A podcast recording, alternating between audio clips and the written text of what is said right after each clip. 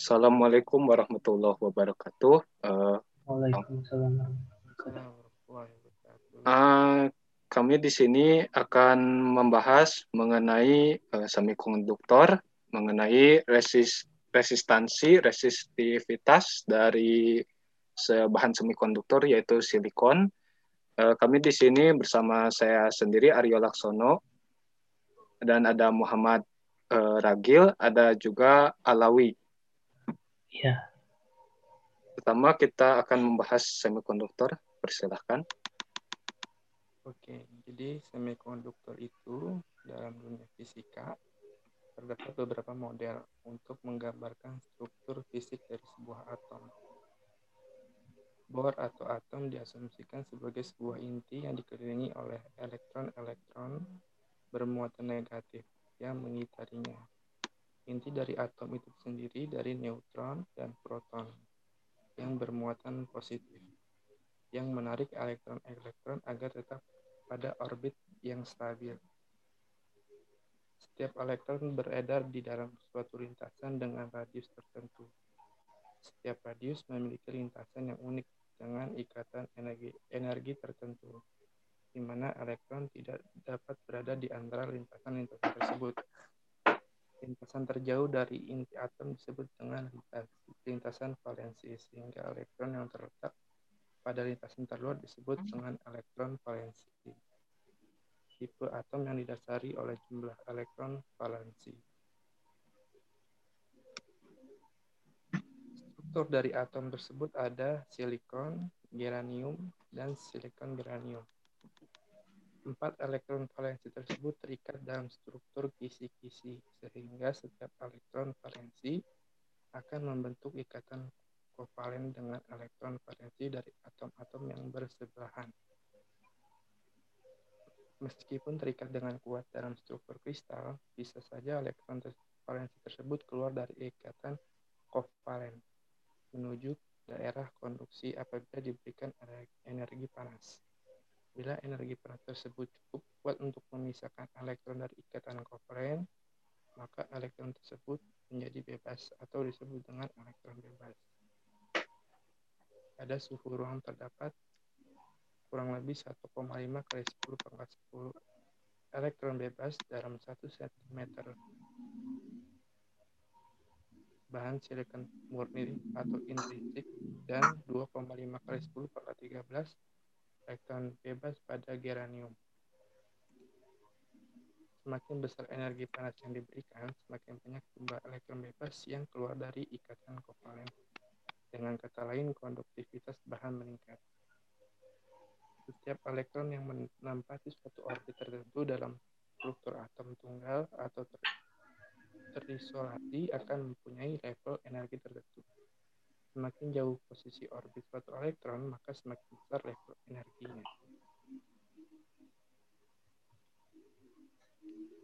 Elektron yang menduduki posisi orbit terluar dalam struktur dalam suatu struktur atom atau yang disebut dengan elektron valensi akan mempunyai level energi terbesar. Elektron yang paling dekat dengan inti mempunyai level energi terkecil. Di antara level energi individual yang dimiliki elektron pada orbit tertentu, terdapat celah energi yang mana tidak dimungkinkan adanya elektron mengorbit. Oleh karena itu, celah ini disebut juga dengan daerah terlarang. Suatu, suatu elektron tidak dapat mengorbit pada daerah terlarang, tapi bisa melewatinya dengan cepat. Misalnya, bila suatu elektron pada orbit tertentu mendapatkan energi tambahan dari luar, seperti energi panas, sehingga level energi elektron tersebut bertambah besar maka elektron akan meloncat ke orbit berikutnya yang lebih luar, yakni dengan cepat melewati daerah terlarang.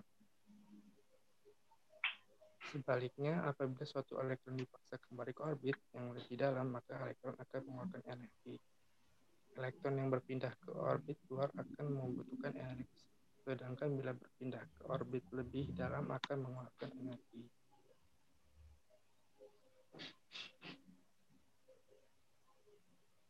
Kemudian untuk bahan semikonduktor itu sendiri adalah bahan yang bersifat setengah konduktor karena celah energi yang dibentuk oleh struktur bahan ini lebih kecil dari celah energi bahan isolator.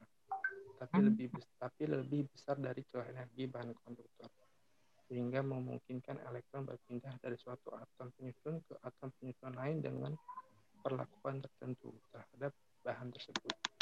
Pemberian tegangan, perubahan suhu, dan sebagainya. Oleh karena itu, semikonduktor bisa bersifat setengah penghantar. Hukum dasar yang menjelaskan hubungan antara elektron dengan kulit orbit. Elektron bergerak dalam kulit orbit. Elektron tidak dapat mengelilingi inti atom dalam ruangan yang ada antara dua buah kulit orbit. Setiap kulit orbit berhubungan dengan sebuah range energi khusus. Elektron-elektron yang bergerak dalam suatu kulit orbit akan memiliki sejumlah energi yang sama.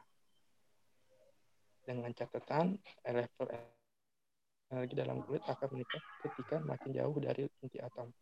Hal ini dapat disimpulkan maka elektron valensi selalu memiliki level energi yang tertinggi dalam setiap atom. Elektron yang elektron untuk berpindah dari satu kulit ke kulit lain menyerap energi untuk menyesuaikan level energi antara level energi kulit awal dengan level energi kulit yang dituju. Jika suatu atom menyerap cukup energi untuk berpindah dari suatu kulit ke kulit yang lain, maka elektron ini kembali melepaskan energi yang diserapnya dan mengembalikan ke kulit energi yang rendah. Kemudian dari karakteristik bahan semikonduktor. Yang pertama, semikonduktor elemental terdiri dari atas unsur-unsur pada sistem periodik golongan 4A seperti silikon, geranium, dan karbon. Karbon semikonduktor ditemukan dalam bentuk kristal intan. Semikonduktor intan memiliki konduktivitas panas yang tinggi sehingga dapat digunakan dengan efektif untuk mengurangi efek panas dan pembuatan semikonduktor laser. Yang kedua, semikonduktor gabungan atau kompon terdiri atas senyawa yang dibentuk dari logam unsur periodik golongan 2B dan 3A atau valensi 2 dan 3 dengan non logam pada golongan 5A dan 6A atau valensi 5 dan 6 sehingga membentuk ikatan yang stabil. Semikonduktor golongan semikonduktor gabungan 3 dan 5 misalnya gas dan INP, sedangkan gabungan 2 dan 6 misalnya CDTE dan ZNS. Kemudian struktur ikatan atom bahan semikonduktor dapat diamati pada silikon, geranium, dan gallium arsenida. Hampir semua bahan semikonduktor yang dibentuk memiliki struktur ikatan kovalen, baik pada semikonduktor elemental maupun semikonduktor gabungan. Semikonduktivitas dapat terjadi dengan memberikan energi maupun pengotor atau doping, sehingga pada ikatan kovalen yang sempurna akan terbentuk hole atau kelebihan elektron, sehingga muncul sifat semikonduktor. Jenis dari semikonduktor terdiri dari atas dua, yang pertama ada semikonduktor intrinsik yang terbentuk dari semikonduktor murni yang memiliki ikatan kovalen sempurna seperti silikon, geranium, dan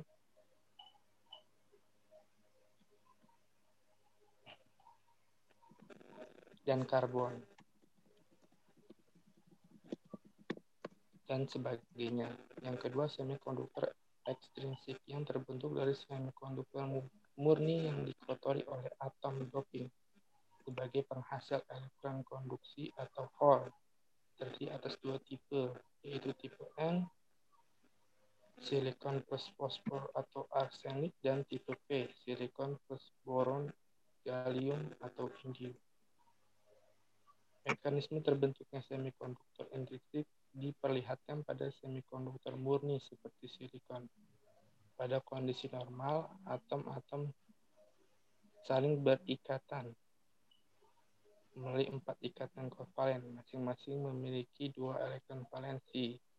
Ketika suhu dinaikkan, maka stimulasi panas akan mengganggu ikatan valensi ini, sehingga salah satu elektron valensi akan berpindah ke pita konduksi Lokasi yang ditinggalkan oleh elektron valensi ini akan membentuk hole.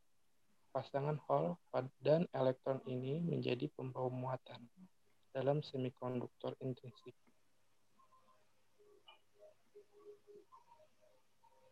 Semikonduktor intrinsik ekstrinsik terbentuk melalui mekanisme doping yang dimaksudkan untuk mendapatkan elektron valensi bebas dalam jumlah lebih, dalam jumlah lebih banyak dan permanen sehingga diharapkan akan dapat menghantarkan listrik. Mekanisme ini dilakukan dengan jalan memberikan atom pengotor ke bahan semikonduktor murni sehingga apabila atom pengotor memiliki kelebihan elektron valensi, akan terdapat elektron bebas yang dapat berpindah. Apabila semikonduktor murni diberikan pengotor dengan valensi kurang, maka akan terbentuk area kosong atau hole yang menjadi pembawa muatan. Mekanisme ini menentukan jenis semikonduktor yang dibentuk, entah itu tipe N atau tipe P.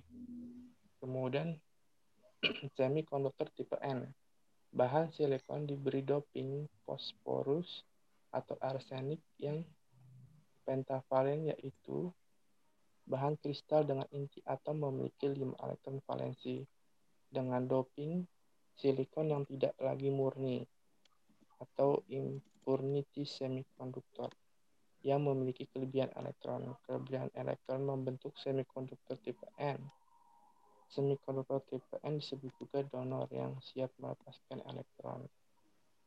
Semikonduktor tipe P. Kalau silikon diberi doping, boron, gallium, atau indium, maka dapat semikonduktor tipe P. Bahan dopingnya adalah bahan trivalen, yaitu unsur dengan ion yang memiliki tiga elektron pada pita valensi. Karena ion silikon memiliki empat elektron. Dengan demikian, ada ikatan kovalen yang bolong atau hole. Hole ini digambarkan dengan sebagai akseptor yang siap menerima elektron. Dengan demikian, kekurangan elektron menyebabkan semikonduktor ini menjadi tipe P. Mungkin itu yang uh, dari teori semikonduktor itu sendiri. Iya, baik.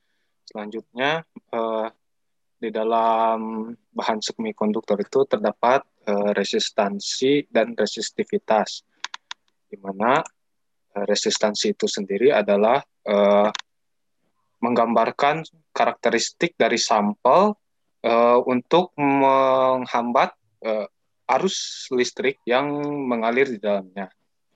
Resistansi ini kita di, kita mengenal dengan hukum Ohm, di mana uh, arus dipengaruhi oleh uh, resistansi dan tegangan, di mana I sama dengan V per R. Nah,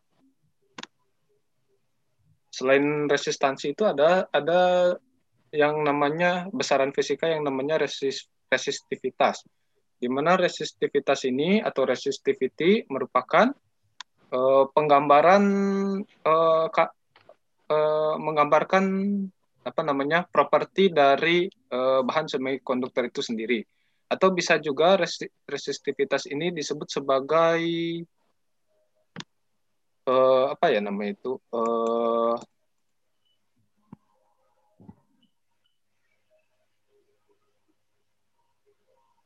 uh, apa uh, kalau da, uh, karena digambarkan row itu berarti kalau dalam uh, kalau dalam hal lain biasanya disebutnya kerapatan. Kalau di sini kita bisa menyebutnya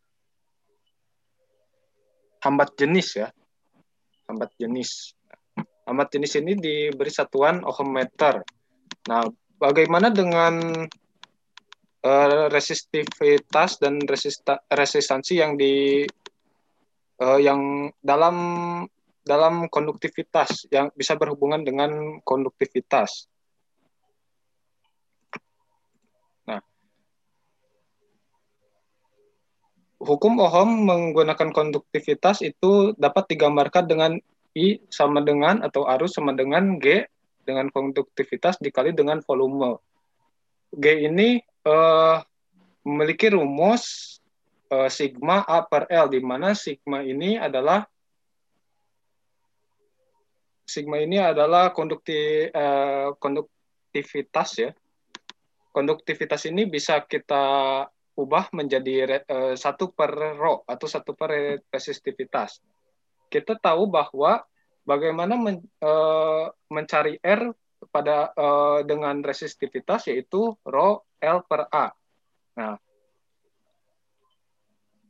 dengan begitu karena uh, apa namanya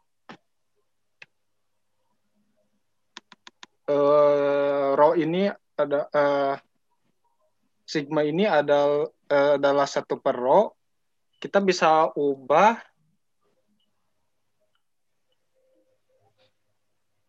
R ini menjadi G ya. Sebentar. Nah, karena di rumus hukum Ohm itu satu per R, maka G ini digambarkan eh, sama dengan satu per R, di mana berarti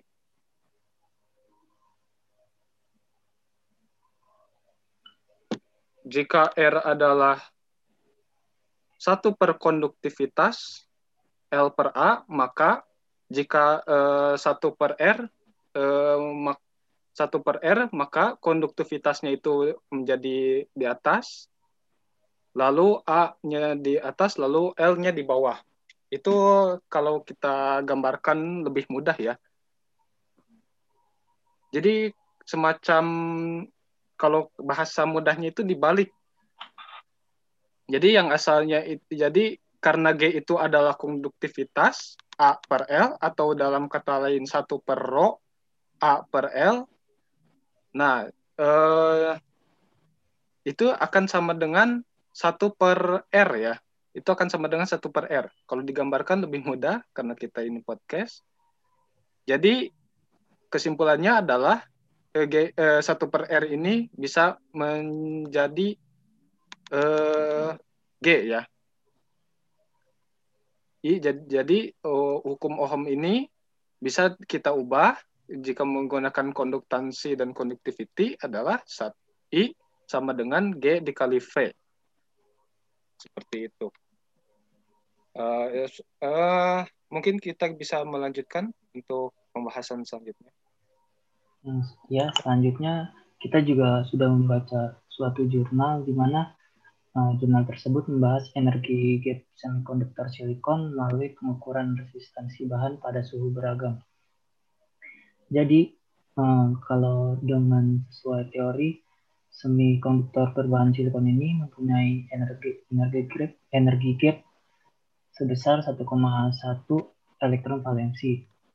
Nah, dan secara umum energi gap pada bahan semikonduktor berkisar antara 0,2 elektron valensi sampai 2,5. Nah, di sini dilakukan percobaan untuk mengetahui uh, gimana sih energi gap tersebut, terus resistansinya juga konduktivitasnya juga terhadap suhu.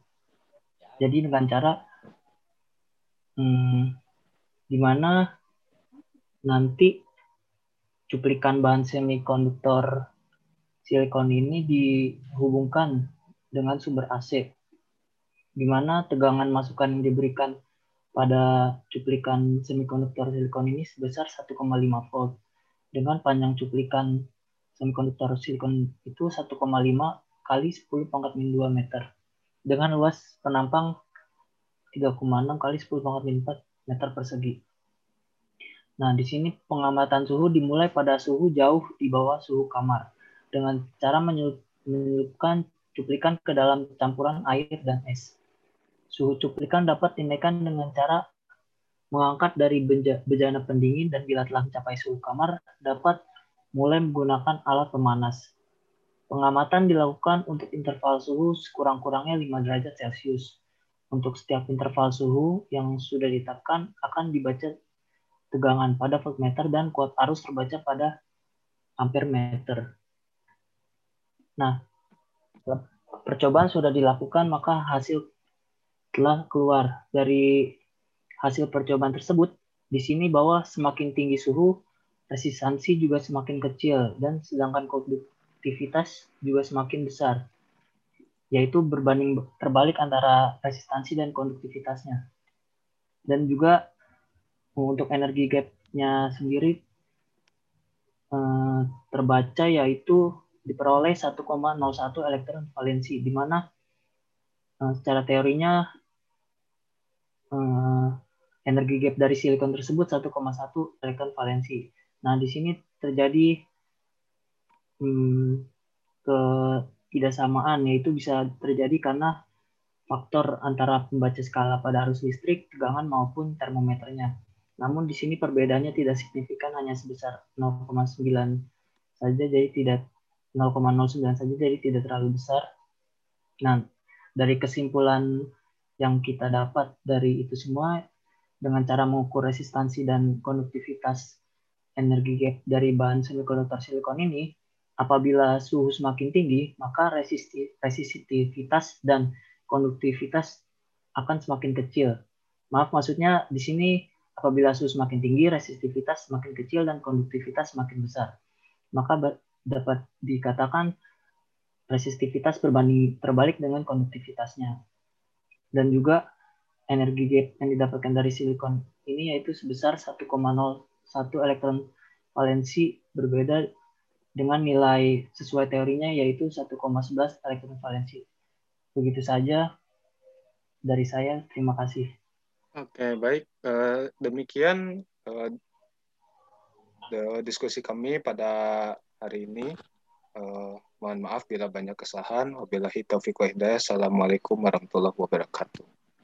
Waalaikumsalam warahmatullahi wabarakatuh.